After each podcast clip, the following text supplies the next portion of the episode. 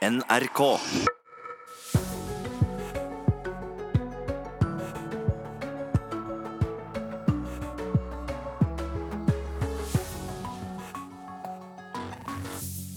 Fremskrittspartipolitiker støtter fiskeriminister Per Sandbergs eh, reise til Iran, og mener de som kritiserer ham, bommer. Den sittende presidenten Emerson Mangagwa vant presidentvalget i Zimbabwe, viser de offisielle resultatene. Opposisjonen protesterer. Og vil Lula, den tidligere presidenten i Brasil, kunne stille til valget i høst? Det blir også tema her i Nyhetsmorgen. Velkommen, Ugo Fermarello i studio i dag.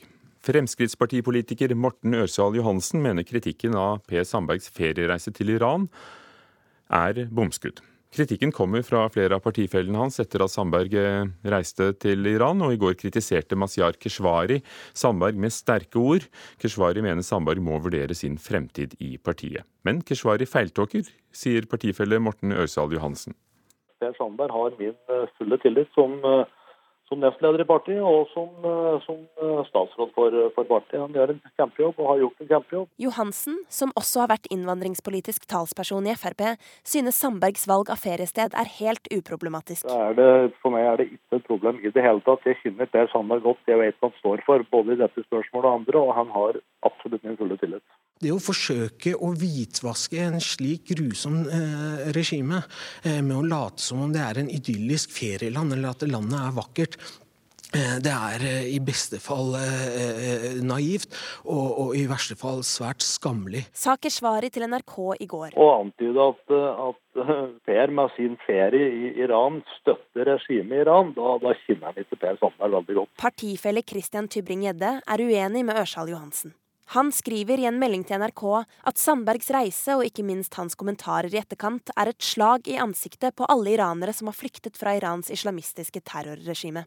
Nåværende innvandringspolitisk talsperson i Frp, Jon Helgheim, ønsker ikke å komme med noen klar kritikk enda. Jeg har eh, bare kjennskap til denne saken eh, via media, og ønsker å få eh, den direkte fra Sandberg før jeg tar stilling til noe sånt. På spørsmål om Keshvari selv vil vurdere sin stilling i Frp etter dette, svarte han. Er det noen som bør vurdere om det er forenlig å ha tillitsverv i Fremskrittspartiet, og samtidig ha forelsket seg i et av verdens verste islamistiske terrorregimer? Regimer, så er det Sandberg og ikke jeg. I en e-post til NRK i går skrev Per Sandberg at han mener Keshvari bommer fullstendig med sin kritikk, og at han blander regimet med det han kaller et flott folk i et flott land.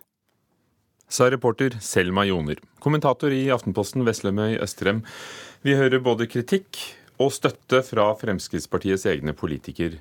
Vil, eh, hvilken stemme vil telle sterkest i partiet? Nei, det er klart at det, fram til nå så har vi jo egentlig sittet og ventet på hva Frp-politikerne mener om sin egen veldig populære statsråd Per Sandberg. Og overraskende, eller det er ikke så overraskende det Mazyar Kashvari kommer med i går.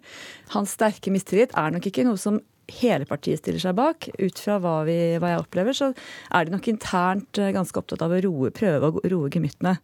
Eh, de stem, den stemmen som vil telle sterkest, er selvfølgelig Siv Jensen og Erna Solberg sin stemme. Og Hvordan oppfatter du det de har sagt og skrevet hittil om feriereisen til Iran? Jeg opplever at Erna Solberg eh, gjør sånn som hun pleier å gjøre. Hun er veldig opptatt av å støtte sine statsråder eh, utad. Eh, jeg er også helt sikker på at hennes samtale med Per Sandberg internt har vært mye tøffere enn det hun framstår i, i, i, offentligheten. Men eh, de er nok også veldig opptatt av hva som er fakta i saken, og hvordan sikkerhetsmyndighetene nå eh, vurderer det som har skjedd. Hva er det som teller mest for regjeringen? Er det da dette formelle at uh, statsministerens kontor skulle vært uh, underrettet på forhånd? Uh, at sikkerhetstjenesten i PST skulle kunne gitt råd og tatt forholdsregler? Eller er det kritikken mot det islamistiske styret i Iran som Fremskrittspartiet har alltid kommet med? Det som teller aller sterkest her, og det eneste som teller for Erna Solberg, er jo tillitsspørsmålet. Eh, hittil har hun sagt og uttrykt at hun har tillit til, til, Per Sandberg. Men jeg tror nok ikke Erna Solberg har så veldig lyst til å framstå som en, en statsminister som ikke tar sikkerhet på alvor. Eh, det, det, det, som har vist seg nå, er jo at eh, på denne mobiltelefonen som Per Sandberg har hatt med seg, har regjeringens saksbehandlingssystem vært tilgjengelig. Og nå går et samla sikkerhetskorps egentlig ut og sier at det er stor sannsynlighet for at denne telefonen nå er, befinner seg i, også hos eh, de iranske myndighetene. Så jeg tror eh, det som vi teller framover nå, er rett og slett faktaene som kommer på bordet. Så når Mazyar Keshvari, såpass sterkt som vi hørte ham i, i, i løpet av gårsdagen, eh, kritiserer eh, Per Sandberg, er det basert på hans egne personlige erfaring som flyktning fra Iran, eller er det en prinsipiell kritikk? Det er klart at Keshvari har en helt spesiell uh, situasjon her. Han, han har uh, helt personlig erfaring med hvordan uh, regimet i Iran behandler sine, de som har reist fra Iran. Og hans følelsesladede um, angrep på Sandberg må jo også tolkes ut ifra det. Så er det klart at De to som har vært tydeligst på FrPs utenrikspolitikk mot Iran, er jo Christian Tybring-Gjedde og Mazyar Keshvari. Og begge de har jo nå vært ute og kritisert Sandberg. Eh, for øvrig så tror jeg nok at internt i Frp de, opplever de dette som en ganske flau historie. Eh, mange skjønner at dette er noe de kommer til å møte framover i asyldebatten. Og det er de ikke spesielt glad for. Per Sandberg har avfeid eh, kritikken. Vil, eh, vil hans versjon stå seg? Det vi så i går, var en mer ydmyk Per Sandberg. Eh, den ydmykheten han framviste i går, hadde han nok vært tjent med å komme med et par dager før. Allerede på mandag kunne han nok kanskje vist seg fra en litt mer ydmyk side. Men da gikk han jo som kjent eh, relativt tøft ut, og, og poengterte at han ikke hadde gjort noe galt. Eh, jeg tror at Per Sandberg er tjent med å fortsette en litt ydmyk linje. Tror du denne hendelsen fiskeriministerens tur til Iran med en uh, iransk venninne vil være noe som får plass i nyttårskavalkadene til neste år som noe av det som preget det politiske Norge? Ja, dette her er jo egentlig historien som bare fortsetter å gi og gi. Her er det veldig mange ulike elementer som er interessante. Uh, og det, det, spørsmålet blir jo selvfølgelig om den får politiske konsekvenser, eller om det bare fortsetter å Om det bare vil være en, en personlig historie som uh, er interessant. Men du har ikke svar på det spørsmålet ennå? Har du det? Nei, jeg er nok mer usikker i dag enn jeg har vært tidligere. Og jeg tenker at uh, tilliten har fått seg en kraftig ripe. Takk skal du ha. Veslemøy Østrem, kommentator i Aftenposten.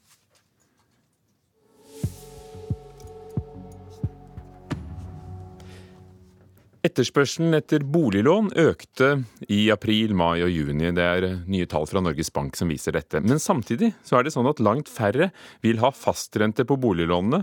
I hvert fall færre enn det bankene hadde trodd. Og dette overrasker eh, privatøkonomiekspert Hallgeir Kvadsheim.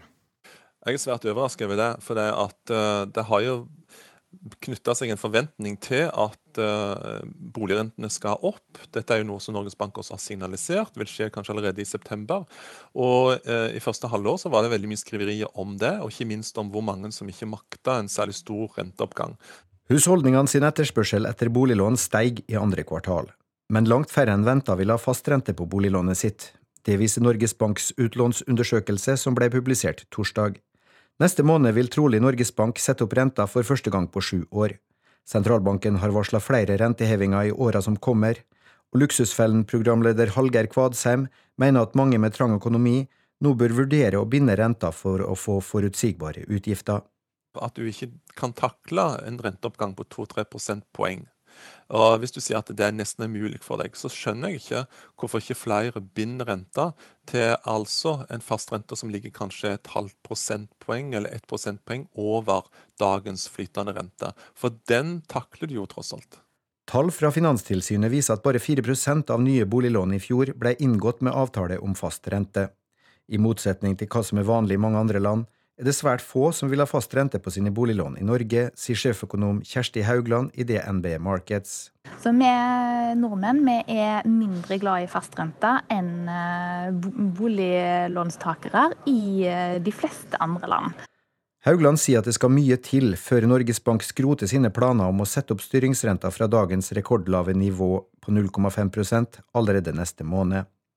Deretter venter det trolig flere rentehevinger i åra som kommer, og hvis renteutviklinga blir slik som Norges Bank har signalisert, vil renta om få år ligge på 2,5% Før finanskrisa for ti år siden var styringsrenta fra sentralbanken på nesten 6% Så høyt skal renta ikke, spår Haugland.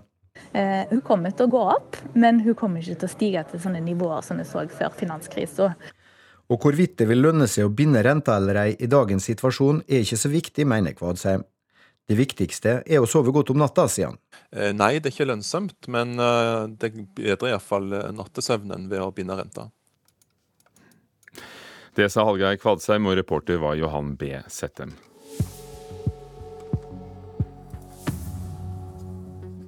Klokken nærmer seg kvart over syv. Du hører på Nyhetsmorgen i NRK. Hovedsaker i dag er at Emerson Mnangagwa har vunnet presidentvalget i Zimbabwe med 50,8% ifølge valgkommisjonen, men opposisjonen protesterer. Lang vei til fødeklinikken øker faren for livstruende komplikasjoner, viser ny forskning, og det handler om Norge. Og familievernkontorene opplever økt pågang av par som enten vil ha hjelp til å holde sammen, eller skille seg. I oktober er det presidentvalg i Brasil, og i midten av denne måneden er kandidatene klare. Men allerede vet vi tre av de fire hovedkandidatene, for de har bekreftet at de stiller. Men den siste kandidaten av de fire som det ikke er klart om kan bli valgt, er tidligere president Luis Inacio Lula da Silva, som soner en dom i fengsel for korrupsjon. Han sier selv han er uskyldig. Og det er usikkert om han får stille, fordi det er en brasiliansk domstol ikke vil løslate ham før valget. Leo Doria, redaktør for nettsiden Heia Brasil. Er det fortsatt mulighet for at Lola kan stille? Hei, god morgen. Ja, det er det. Det er faktisk en mulighet for det. Selv om det ser veldig vanskelig ut nå. Dommene dommerne i Høyesteretten de har sagt uh, brasilianske, brasilianske rettsvesenet er litt annerledes enn en norsk, men de har sagt at det er lite sannsynlig. Men det fins faktisk en mulighet. Og PT, som er da eh, partiet til, til Lula, de holder fast ved at de skal melde Lula som deres presidentkandidat. Og de får støtte fra et annet parti på samme side. De får det, selv om det er blitt uh, veldig, veldig, et veldig stort problem på venstresiden. Der de ikke klarer å samle seg, egentlig. Uh, noe som gjør det at hvis Lula ikke, ikke blir løslatt nå, så, bli, så er det løpet helt kjørt for, for venstresiden. Lula var jo president for venstresiden, karismatisk type, eh, soner nå en dom for korrupsjon. Mm. Eh, hvilken appell har han hvis han eh, kan stille opp? Han har fortsatt en stor appell, og meningsmålingene nå de viser faktisk at selv om han sitter nå i fengsel, så leder han meningsmålingene. Så han står på toppen der, etterfulgt av en høyrepopulist kandidat, Jair Bolsonaro. Eh, en reserveoffiser som, eh, som, eh, ligner litt på Trump. Brasilianerne liker å si det, at han er brasilianernes Trump-versjon. Jair Bolsonaro er jo litt av en type. Det er han som har tatt til orde for at mer tilgjengelighet for våpen f.eks. skal bekjempe korrupsjonen. Han har sagt at han savner militærdiktaturet og vil, mm. vil gjøre militæret mye tydeligere i en ny regjering. Ja, altså, hva kan folk vente seg hvis Bolsonaro blir president? Det er det man ikke vet. Det som er, det er det, uh, Bolsonaro han ligger alene nå. Han får ikke støtte fra andre partier. Men likevel så finner man han veldig høyt også på meningsmålingene. Han svarer direkte da på det som eh, folk flest er opptatt av eh, i Brasil nå. Det er da dårlig økonomi, som de fleste opplever, og så det med trygghet eller sikkerhet, sikkerhet i Brasil. Så han svarer på det veldig tydelig, men han viser veldig lite til mer langsiktige Eh, strategier og mål for landet. Så han eh, er en sånn eh, kandidat som man vet ikke helt hvordan han skal løse. Han bare sier at han skal løse, og det er det veldig mange brasilianere vil høre. Hva er, Du nevnte kriminalitet og økonomien. Hva er de store temaene som vil gjøre at folk velger den ene eller den andre? Er det de to tingene? Uh, arbeidsledighet, selvfølgelig. Og økonomien og, og, kriminalitet. Hvordan man skal løse det i de store byene. Dessverre så har det vært en stor økning av kriminalitet både i nordøst-Brasil, uh, men uh, hovedsakelig i Rio de Janeiro, hvor Bolsonaro er representant fra. Så det er, de tre, det er de tre temaene som vi nå kan se kommer til å være veldig tydelige. Og Det betyr også mye for, for Brasil som turistland. Eh, Brasil har dårlig økonomi, ser du, men det er en stor økonomi og var lenge en av verdens eh, raskest voksende eh, økonomier. Eh, men hvor mye bestemmer presidenten? Hvor mye kan presidenten ha å si? Uh, har mye å si, men det er helt avhengig av hvordan de skal samarbeide også med parlamentmedlemmene. også. Og Det er det som, uh, som gjør den, den, valgkampen spennende nå. At uh, i den perioden nå, frem til landsmøtene skal bestemme hvem de skal, de skal, sende som kandidat, nå bygges det allianser. Og det skjer da en byttehandel mellom guvernørplasser også, fordi det blir også valg for guvernør i Brasil for de 26 delstatene i Brasil. Og det blir en byttehandel også at uh, OK, du får da støtte vår guvernørkandidat, og så får du vår støtte som presidentkandidat.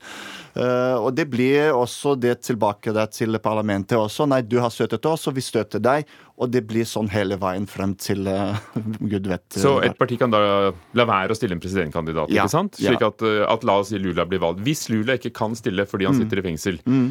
vil venstresiden komme opp med en annen kandidat som kan være like populær, eller vil de da tape? Ikke like populær. De kommer trolig til å tape. Men det som er interessant å si også, det er det at eh, i Brasil så har vi 33 politiske partier eh, som kommer til å, til å fordele da, sine stemmer på syv forskjellige pre presidentkandidater. Det er det som vi kan se nå. Og som du sa tidligere, så er det tre allerede som har bekreftet sin, eh, sin kandidatur.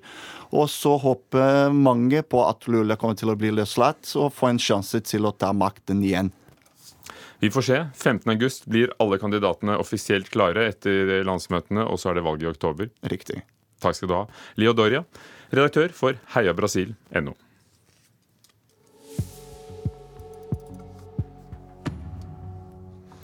Svensk politi får kritikk etter at de skjøt og drepte en 20 år gammel mann med Downs syndrom og autisme, utstyrt med en lekepistol. Politiet i Sverige har opplyst at det oppsto en truende situasjon som endte med at tre politibetjenter skjøt mot mannen. Reporter Kristine Hirsti, du har fulgt med på denne saken. og Hva mer vet vi om hva som har foregått? Det var 20 år gamle Erik Torell. Han rømte hjemmefra på natten og tok med seg en eh, lekepistol. Han hadde da Downs syndrom og diagnosen autisme. Eh, ifølge moren hans så var han også sterkt funksjonsnedsatt og på utviklingsnivå med en treåring. Han kunne f.eks. bare si ett ord mamma. Han blir beskrevet som verdens eh, snilleste menneske som ikke kunne gjøre en flue fortred. Han forsvant på natten. Faren meldte sønnen savnet og begynte å lete etter ham. Han møtte på politiet og spurte dem om de hadde sett sønnen hans, ga de en beskrivelse og fikk beskjed om at de hadde skutt og drept sønnen. Politiet hadde da stoppet Erik for å gjennomføre en form for kontroll, og det var i forbindelse med dette at han ble skutt av eh, tre politibetjenter. Dette er jo en sak som preger forsidene i Sverige siden dette ble kjent. Hvordan er reaksjonene? Familien hans er naturlig nok i eh, sjokk. De forstår ikke hvordan politiet ikke så at dette her var et billig leketøy i eh, plast. Det svenske politiforbundet eh, kritiserer politiskytingen. De sier at det er klart forbedringspotensial, og at politiet ikke er opplært til å takle situasjoner med personer med funksjonsnedsettelser. Forskningsmiljøet peker på at politiets regelverk om våpenbruk er for komplisert når, eh, altså om når politiet kan skyte i nødverge og ikke. Statistikken for politiskytinger i, i Sverige har gått kraftig opp. Hvordan ser den ut? Det er altså seks mennesker som er drept av politiskudd i Sverige så langt i år. Og siden politiet begynte å føre statistikk for 25 år siden, så har gjennomsnittlig én person blitt skutt og drept årlig av politiet. Så det har vært mange politiskytinger hittil i år sammenlignet med tidligere. Og Sverige trekkes frem som et slags skrekkeksempel av de som er imot bevæpnet politi her hjemme. Og grunnen til det er at svensk politi seks ganger så ofte trekker våpen i Sverige enn her hjemme, hvor man da ikke har innført permanent bevæpning av politiet. Takk skal du ha, reporter Kristine Hirsti.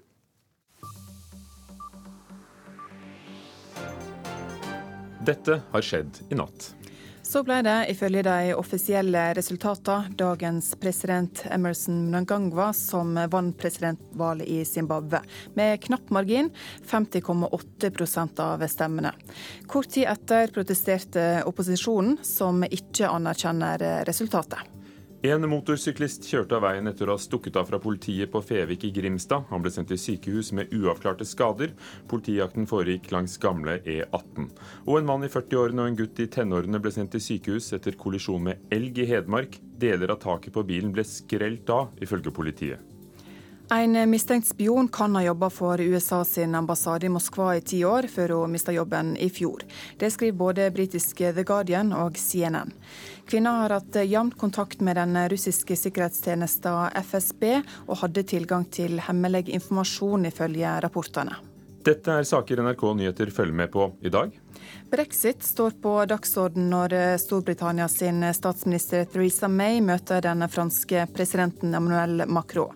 May skal til presidenten sin sommerstad, en gammel festning på ei øy utenfor den franske rivieraen. Og etter møtet så blir det en privat middag.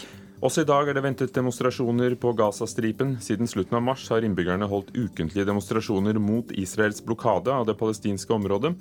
Israelske soldater langs grensen har siden dette begynte, skutt og drept 140 mennesker. Arbeiderpartileder Jonas Gahr Støre besøker AUF-leiren på Utøya og skal holde en tale der i formiddag. Senere i dag skal lederen i Frp Siv Jensen besøke FPU sin sommerleir i Lillesand. I kveld er det premiere på det som er blitt en årlig sommerbegivenhet. Henrik Ibsens Per Gynt på Gålå i Gudbrandsdalen. Far og sønn, Nils Ole og Jakob Oftebro, spiller den gamle og den unge Per, og kulturministeren skal se forestillingen. Og noe annet som skjer i dag, er roing. Den store EM-uken der syv idretter skal samles, er i gang. Og dette skjer først i Glasgow i Skottland, som begynte i går, og så fra neste mandag av er det i Berlin der det blir friidrett. Men nå til Glasgow, altså. Der deltar de norske roerne, og landslagssjefen mener både Kjetil Borch i singelsculler og Are Strandli og Kristoffer Brun i dobbeltsculler har gode sjanser når de kjemper om gull. Jeg Klarer å heve meg med 2% i løpet av mesterskapet, så skal jeg være med og krangle om medaljene. Du er god nok til å slå alle? Ja, det, det håper jeg. Ellers så gidder jeg ikke å stille til start. Kjetil Borch hadde full kontroll i sitt forsøksheat og tok seg enkelt videre til semifinale i EM etter at han ledet fra start til mål. Landslagssjef Johan Flodin tror Borch kan kjempe om edelt metall. Eh, han er en av gullfavorittene. det er han. Jeg syns det finnes tre-fire killer som er, eh, har mulighet til å ta de her tre medaljene. Vi vet jo at Kjetil har denne kapasiteten og, og uh, ror raskt i de her eh, loppene. Og jeg tror at det her er kanskje en av et veldig fint lege, lege for Kjetil å gjøre, klatre opp ytterligere noen plasseringer. Han har jo et antall singelløp der han har vært presis utenfor medalje, og jeg tror at det kan være hans. Det finnes gode muligheter at det er hans tur denne gangen. I dobbeltsculler var Are Strandli og Kristoffer Brun i en klasse for seg selv, og også de er klare for semifinale i EM. Vi fikk veldig mye bra svar. Vi hadde en bra start. og eh, Kjente ut roingen var skikkelig bra første 1000. og Hadde en grei ledelse som satt på hele veien til mål. Så det var akkurat sånn som vi hadde planlagt. Landslagssjefen var imponert over heatet og mener gutta var overlegne. Ja, jeg syns de ser, faktisk ser overlegne eh, ut i sitt eh, forsøksløp her i dag. De gikk ut og gjorde sin greie og fikk eh, åpent, godt om åpent vann og så kunne sitte på sin egen rytme. Så jeg syns dette var opp til det jeg hadde forutsatt meg. Men enda et første løp. Det kommer enda mer. Og reporter var Jontan Simchai Hansen og Hans Henrik Løken som var i Glasgow. Og vi kan følge EM-uken på NRK gjennom de neste ti dagene. Fint vær, over lang tid gjør at flere har eh, tatt turen ut med båt, og dermed blir det flere båtskader. Redningsselskapet har hatt langt flere oppdrag, og forsikringsselskapene forventer å måtte utbetale rekordsummer. Vi er på vei eh, mot Rødtangen, og vi har et par meter igjen. Ja da, da ser vi dere. Vi kommer dit nå. Holder den båten på å synke, eller? Holder den båten på å synke? Skipper Pål Arne Nauf manøvrerer redningsskøyta Eivind Ekbo inn mot en båt som slår inn mot fjæresteinene, i bølger som strekker seg opp mot to meter. Ok, denne kan bli krevende. Vi må vite om den båten synker eller om den flyter. Regen hans henger ute. Der må du kappe! Den båten ligger ute. Den trenger den kapper vi. Styrmann Sverre Solberg kommer seg opp i båten og får tatt av fortøyningene mens bølgene slår den inn i land. Eierne prøver å minimere skadene ved å dytte den fra land med planker. Noen minutter senere er aksjonen over, og redningsskøyta har full kontroll på skjærgårdsskipen, som har fått et solid skrubbsår i rekka. En typisk dag på jobben, ifølge skipperen. Båten blir slept trygt til nærmeste havn, hvor eierne gjenforenes med den. Godt vær og mange på sjøen har ført til mange skader denne sesongen. Nei, i, i Vestfold i år så er antall meldte skader til Gjensidige eh, nærmest doblet siden eh, i fjor. Det sier Arne Wold i Gjensidige Forsikring. Mens tallet for båtskader i Vestfold i april, mai og juni i fjor var på 30, er tall for tilsvarende periode i år 58. Så langt i år så ser det ut til at det kan bli en eh, rekord. Tilbake i redningsskøyta kommer det stadig inn nye oppdrag. Skipper Pål Arne Nauf er en av de mange frivillige i Redningsselskapet i Tønsberg, som så langt i juli har rykket ut på over 100 oppdrag. Nauf ber båtfolket være oppmerksomme når de er på sjøen. Referansepunktene på vannet er så annerledes enn det er på veien, da. Eller på land. At du tror kanskje du går imellom eh, der du har gått 100 ganger før, men så er du en meter eller to lenger eh, til styrbord eller babord, og så går man på. Gjør man forberedelser og tenker gjennom scenarioer, hva gjør jeg dersom det og det skjer, da tror jeg mye hadde vært unngått. Og dersom du ferdes på sjøen og enda ikke har vært uheldig, da har skipperen gjort seg opp en tanke. Det fins jo kun to forskjellige typer båtfolk. Det er de som har gått på, og de som skal gå på. Og reporter var Bendik Hansen. Sommerkvarteret i dag er med Masud Gharahkhani, med ansvar for å forme partiets nye innvandringspolitikk, altså Arbeiderpartiet, og han møter vi om et kvarters tid her i P2 og Nyhetsmorgen. Sommer i P2. Dette er Siri Økland. Jeg er journalist og forfatter og har uhelbredelig kreft. I sommer i P2 skal jeg snakke om ting. De tingene vi tar vare på, bærer i seg minner, og forteller ofte historier om hvem vi er og hvem vi var. Her skal jeg fortelle litt om den tidsreisa det er å gå gjennom tingene sine før en dør, fordi en vil spare familien for jobben med å rydde etter noen de er glad i. Sommer i P2. I dag klokka ni.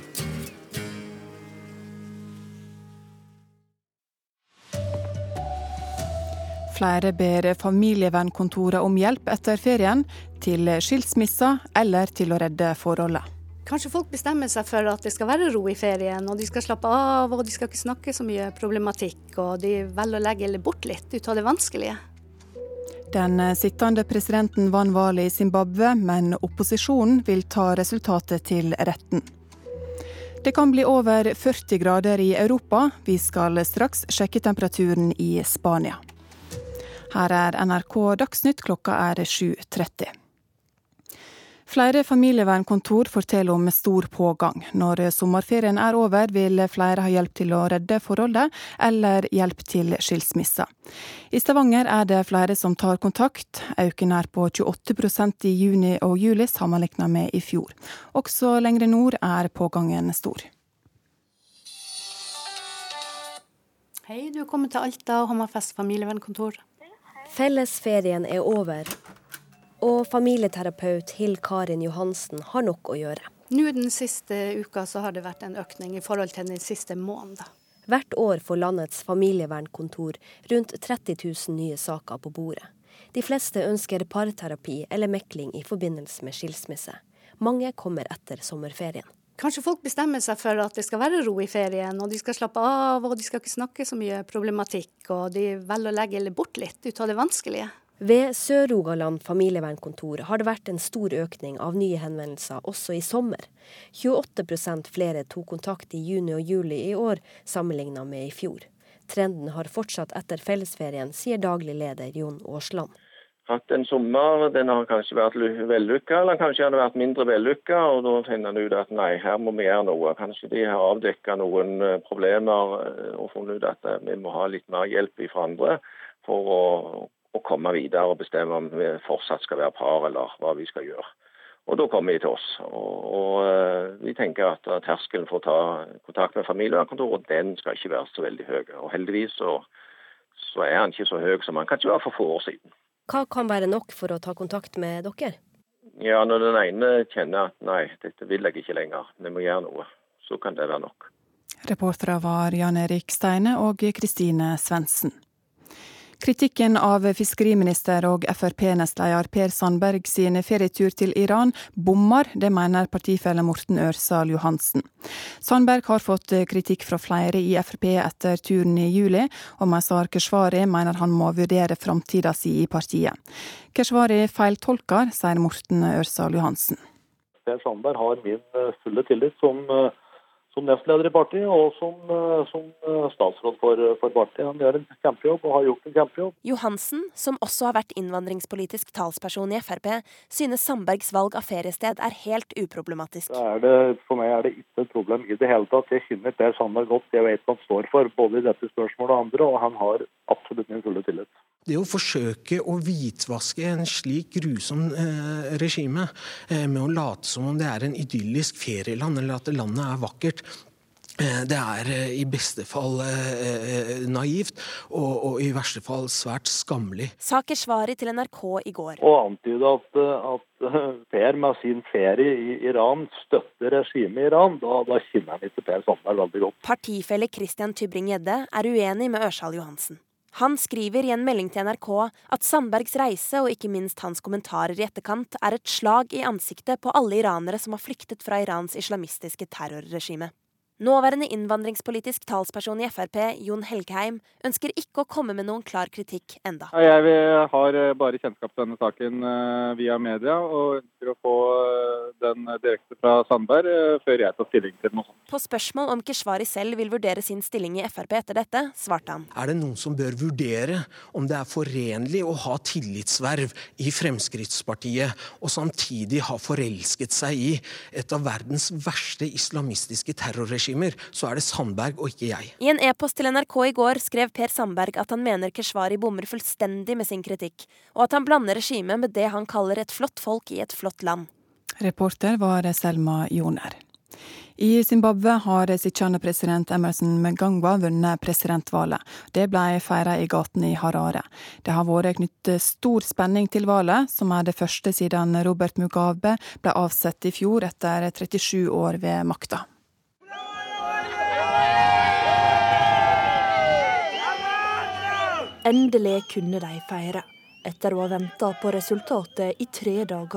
The votes received by Mnangagwa Emerson Dambudzo are more than half the number of votes cast in the presidential election. Mnangagwa is therefore duly declared elected president of the Republic of Zimbabwe. Seint i går kveld kunngjorde valgkommisjonen at Mangagwa hadde fått mer enn 50% av stemmene, og har dermed vunnet presidentvalget. Men opposisjonen sier at de ikke godtar resultatet. No, no. No.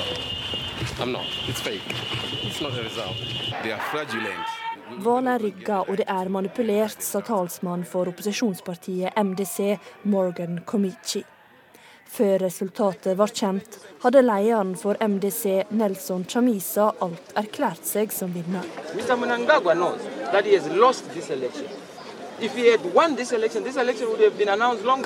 Partiet sier at grunnen til at det tok så lang tid før resultatet kom, er fordi det er manipulert.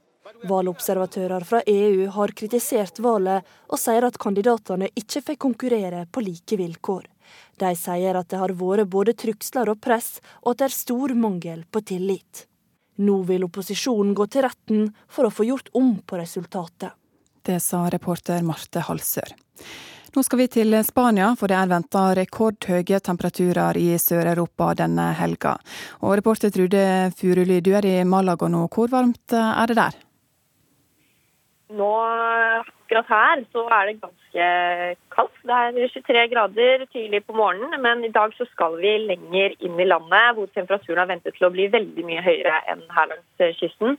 Eh, det er eh, på det meste meldt om at det skal bli 44 grader her i Spania på det meste i dag. og det er da Innlandet og Andalusia-området og grenseområdet mellom Spania og Portugal som eh, ventes å få de høyeste temperaturene.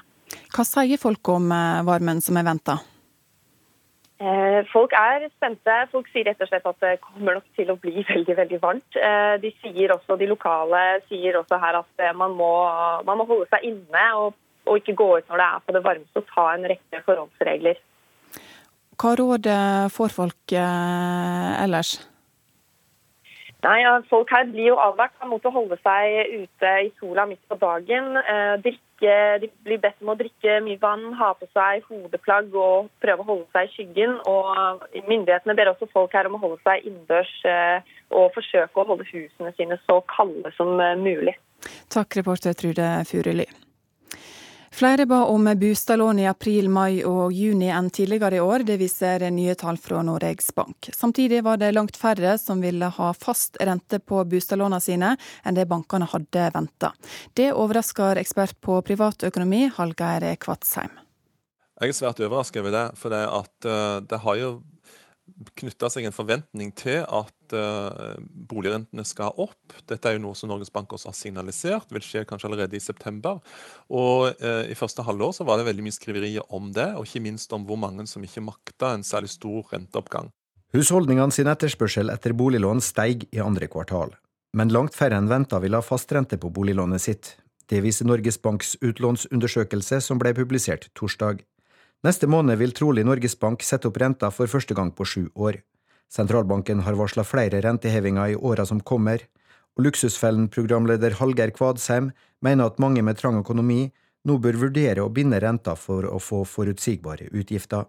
At du ikke kan takle en renteoppgang på 2-3 prosentpoeng og Hvis du sier at det er nesten umulig for deg, så skjønner jeg ikke hvorfor ikke flere binder renta til altså en fastrente som ligger kanskje et halvt prosentpoeng eller ett prosentpoeng over dagens flytende rente. For den takler du jo tross alt. Tall fra Finanstilsynet viser at bare 4% av nye boliglån i fjor ble inngått med avtale om fast rente. I motsetning til hva som er vanlig i mange andre land, er det svært få som vil ha fast rente på sine boliglån i Norge, sier sjeføkonom Kjersti Haugland i DNB Markets. Så Vi nordmenn vi er mindre glad i fastrente enn eh, boliglånstakere i eh, de fleste andre land. Ja, Det sa til slutt eh, Kjersti Haugland. Du hørte også Hallgeir Kvatsheim, som er ekspert i privatøkonomi. Reporter i dette innslaget var Johan B. Sette. Ansvarlig for eh, denne dagsnyttsendinga var Marianne Løkkevik. Mitt navn er Ingvild Ryssdal.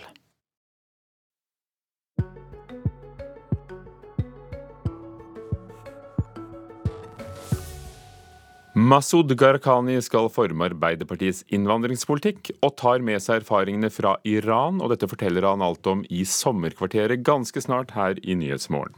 Hvor vi også skal høre at reiselivsnæringen mener butikkene går glipp av mang en god handel, siden de verken tar euro eller tilbyr momsrefusjon, altså for de som ikke gjør det.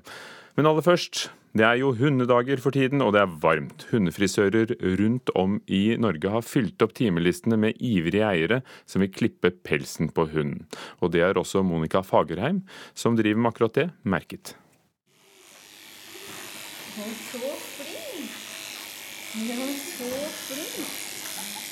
På en benk inne i hundefrisøren i Skien sitter en brun, langhåret, mellomstor hund som får mesteparten av pelsen klippet av. Monica Fagerheim driver hundefrisøren og forteller at dette ikke er den første og langt ifra den siste hunden som skal få kleppet vekk pelsen i dag. Her har det vært fullt kjør hele sommer. Det har vært helt sinnssykt. Det er så varmt. Alle vil ha klippet hundene sine. Eh, de skal ha de både kortere og kortest hele veien.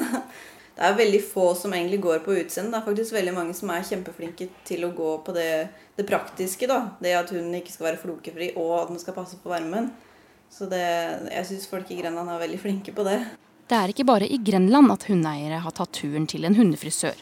NRK har snakket med hundefrisører rundt om i Sør-Norge, som alle forteller at pågangen av hundeklipp i år har vært stor. Grunnen er den uvanlig varme sommeren. Det er jo, du ser jo for deg akkurat som vi skulle gått rundt med ullundertøy en hel sommer. Det er jo ikke akkurat digg i den varmen på over 30 grader her. Det sier jo seg sjøl. Så da er det ekstremt mange flinke eiere som kommer for å klippe de korta. altså. Det blir litt styr når hundene skal klippes, og de gir ofte uttrykk for at dette ikke var så veldig gøy. Men Fagerheim bruker mange oppmuntrende ord, og prøver å gi hundene en så god opplevelse som mulig. Akkurat i øyeblikket når det skjer, så syns nok de aller fleste hunder det er ganske grusomt å bli klipt. Eh, hvorfor, det vet jeg ikke, for de er jo veldig snille alle sammen. Men når de er ferdig, så er det nesten så de ikke har lyst til å dra. De fleste springer bare rundt her og er superhappy. Lenger oppe i Skien holder Annikura dyreklinikk til. Der er veterinær Jan Håkon Greaker. Han forteller at til tross for den varme sommeren, så har det ikke vært noen tilfeller av overhoppheta hunder denne sommeren på hans klinikk.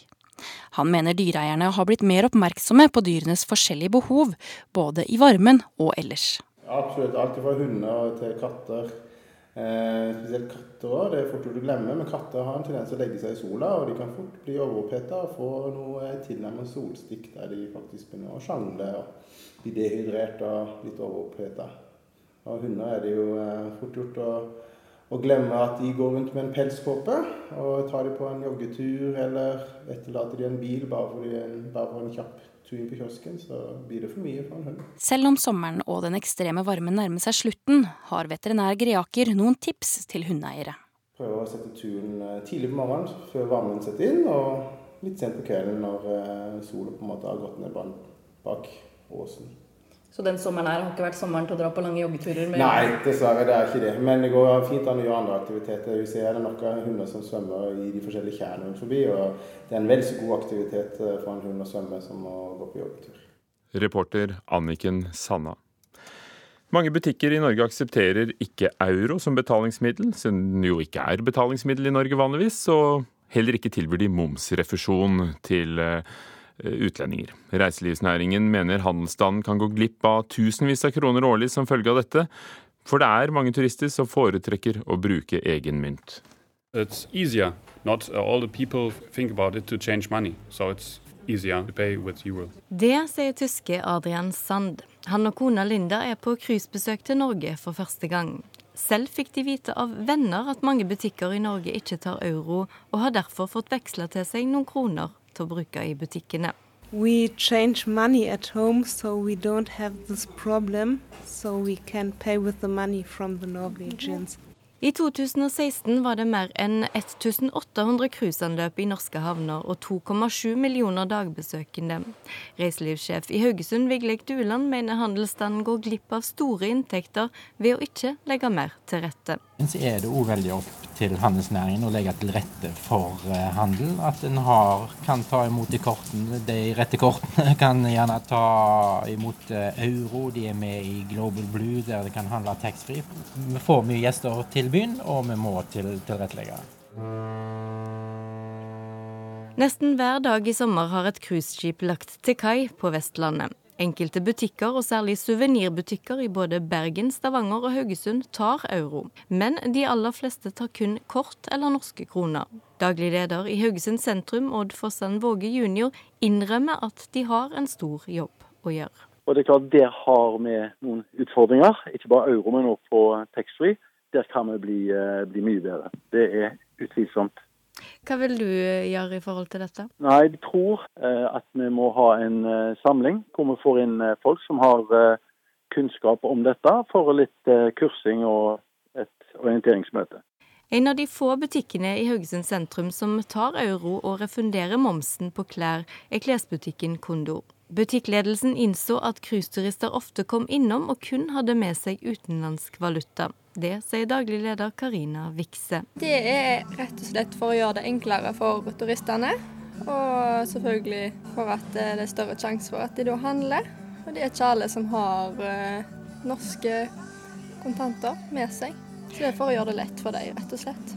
De tyske turistene Linda og Adrian Sand nøyer seg med å kikke litt på klær i denne omgang. Men det var ikke mangelen på norske kontanter som stoppa de. De syns rett og slett at alt er litt dyrt i Norge. It's not only the clothes, but in the supermarkets, water is uh, more expensive than in other countries. Yes. And the beer, it's very expensive. Yes. Vann og øl er dyrt, sa disse tyske turistene. Reporter Rosa Irén Villalobos. 7.47 er klokken straks. Du hører på Nyhetsmorgen i NRK. Nordmenn er skeptiske til å binde renten på boliglånet. Og Emerson Nangagwa har vunnet presidentvalget i Zimbabwe, ifølge de offisielle tallene. Opposisjonen protesterer. Masud Gharahkhani forsto først da han ble politiker at ikke alle flyktninger blir like godt integrert som ham selv. Nå sitter han på Stortinget for Arbeiderpartiet, med ansvar for å forme partiets nye innvandringspolitikk. Og da er det greit å ha erfaring som flyktning fra Iran. Sånn. Da er vi alle mann alle.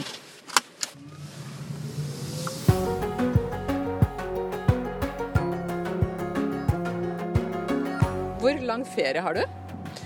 I år så har jeg eh, fire uker ferie. Hvor ofte sjekker du jobb-e-posten når du har ferie? Hele tida. Eh, eller, eh, eller, minus når jeg er i Drammensmarka, i de områdene hvor det ikke er dekning. Syns du det er greit å gå i shorts på jobben? Det er sjelden jeg går med shorts på Stortinget, men det kan godt hende at når jeg må innom kontoret nå i ferietider, så har jeg på meg shorts en eller to dager. Men jeg vil ikke ha gått i noen politiske møter med shorts, det hadde jeg ikke gjort. Masud Gharahkhani tar ikke mange pauser fra jobben selv om det er sommer. Nå er vi på vei til noen av de stedene som har formet ham, og som har vært viktige for hans politiske engasjement. Stillebil, ja. Kjøpte meg en elbil for noen måneder siden. Og det er for å få hverdagen til å gå rundt. Det blir eh, tidlig start på morgenen, og så blir det seine kvelder. Det har blitt lange dager etter at han ble valgt inn på Stortinget. Der fikk han oppdraget med å utarbeide ny innvandrings- og integreringspolitikk for Arbeiderpartiet. Og Gharahkhani mener Arbeiderpartiet har et særlig ansvar for å bli tydeligere. Poenget er at når vi ikke håndterer innvandring og integrering godt nok, så går det utover arbeiderklassen. Og Derfor så må vi ta de bekymringene arbeiderklassen har om disse temaene. Hva må til da, mener du, for å integrere bedre? Altså De erfaringene jeg har gjort meg ved å besøke 17 fylker, og jeg skal besøke de to fylkene som gjenstår nå før eh, oktober. og det er at de stedene som lykkes godt med integrering, det er de som både klarer å kvalifisere innvandrere, eh, utdanning, eh, få dem fort inn i arbeidslivet, og at de holder ut i arbeidslivet over tid. Det er også lokalsamfunn hvor de har blitt en del av det, altså de har blitt en del av det lille fellesskapet man har. Han snakker av egen erfaring. Fem år gammel kom han som flyktning fra Iran. Etter sju måneder på asylmottak endte familien på fire her, i den lille bygda Skotselv utenfor Drammen. Det er et flott sted å vokse opp. Jeg ble kalt for lille Maradona, tro det eller ei. Men det var jo mest pga. at jeg var litt rund og litt sånn eksotisk hudfarge. Men jeg lever på det også. Det ga meg selvtillit i hvert fall. Hei! Går dere på Slottsheim skole? Ja! Er det bra? Ja. Vet dere, Vi har også gått på den skolen her. Ja. ja, Det er noen år siden. Ja. Kan dere ikke legge ned skolen vår likevel? Jeg vil ikke legge ned skolen deres. Det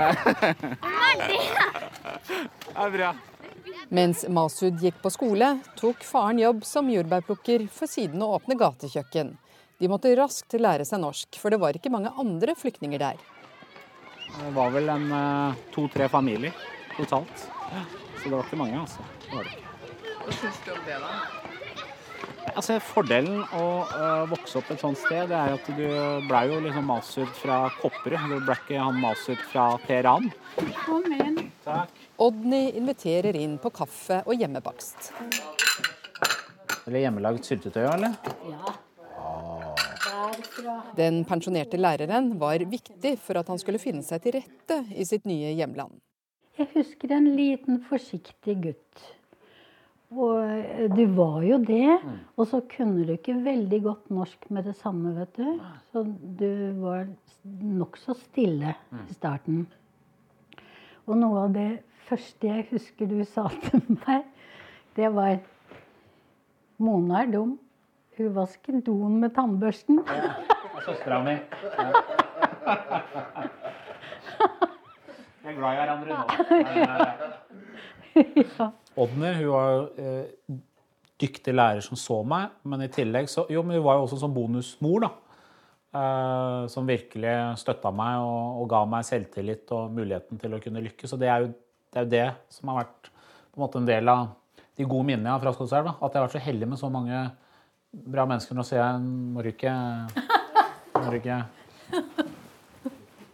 du har vært heldig med valg av foreldre. Veldig. Ja. For at dere ville bli integrert. Mm. det er jo viktig da, å stille krav til folk, at folk skal lære seg norsk, eh, ta seg utdanning, komme seg ut av arbeidslivet. Eh, men så er det noe om hvordan vi stiller opp for folk. Og det jeg eh, deler, er jo liksom min egen erfaring å komme til et sted som Skotselva, hvor viktig det var for meg. At du kommer til et sted hvor du blir tatt godt vare på. Mennesker som støtter deg hele veien. Og ikke minst at spilte fotball. Og jeg har bare gode minner. Og det er jo nettopp at du fikk deg mange gode venner. Eh, og det å lære seg norsk fort jeg tror det var både viktig for meg og foreldra mine. Eh, og ikke minst at du hadde lærere som selvfølgelig eh, var lærere og lærte deg å liksom lære deg norsk og det faglige, men også var mennesker som fulgte deg opp også etter skoletid. Og, som jeg sier, Vi har jo besøkt gården her flere ganger, og, mm. så det er bra sted å vokse opp. Så det er bare å flytte til Skotselva, folkens. Nei, altså, jeg har vært utrolig heldig, da. Og det, og det er litt en erfaring jeg tar med meg, som sagt. Eh, hvor, hvor, viktig det er å ha et lokalsamfunn som stiller opp og gir deg muligheter. Og det er jeg bevisst, overbevist om at man får til mye bedre i små steder. Mm.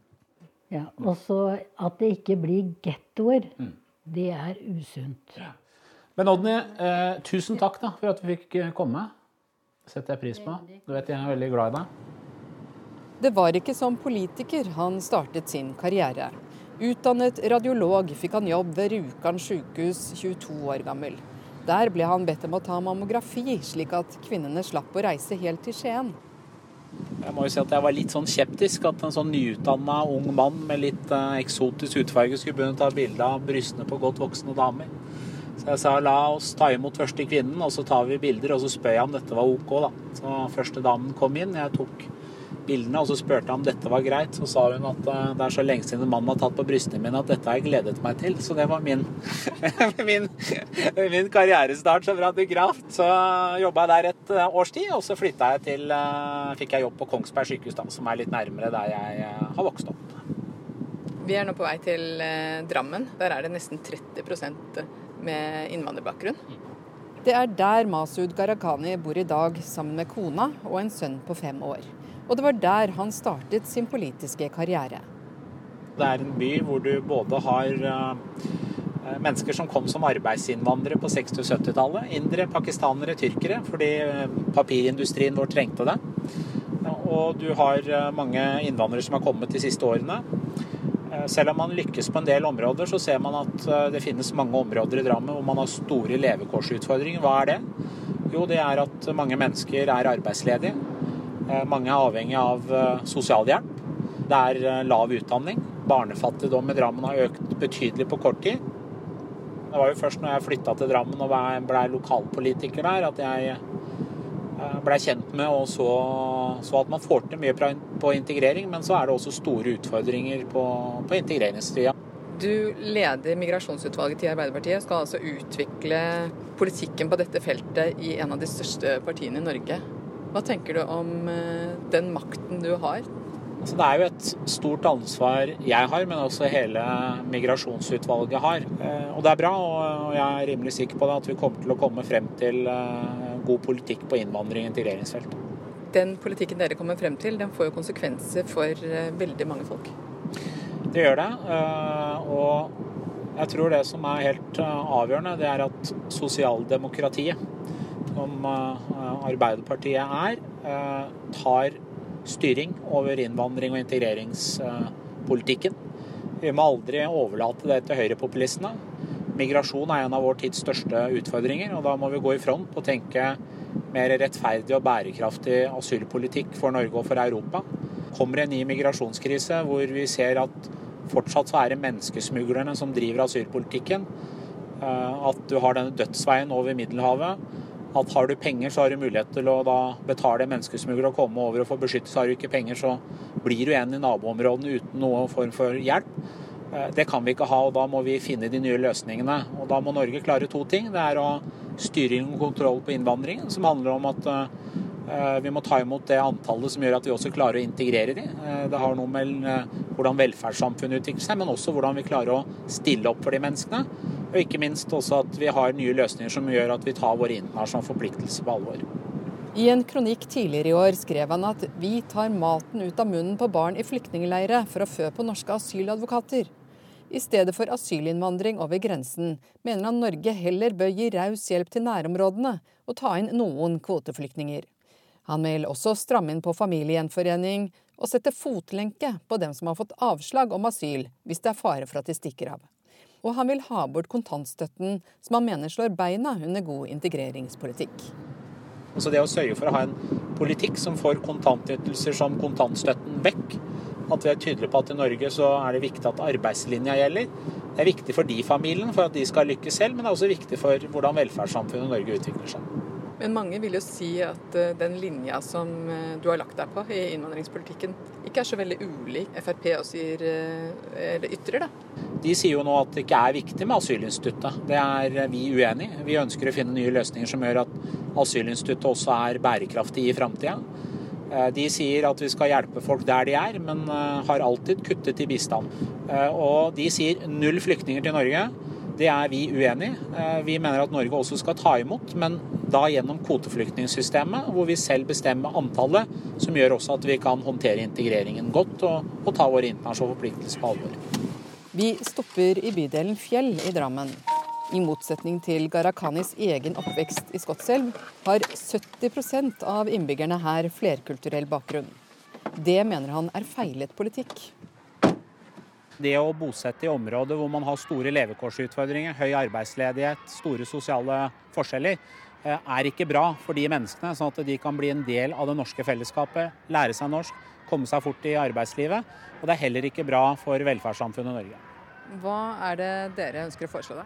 Noe av det vi nå vurderer i det utvalget som eh, jeg leder, er jo at vi skal kunne stille krav til kommunene om at det er bra at dere ønsker å bosette, men det er kanskje ikke lurt for den enkelte familien dere ønsker å bosette, eller lurt for kommunen fordi at man skal klare å håndtere integreringen, at dere velger å bosette i de områdene som har enorme levekårsutfordringer.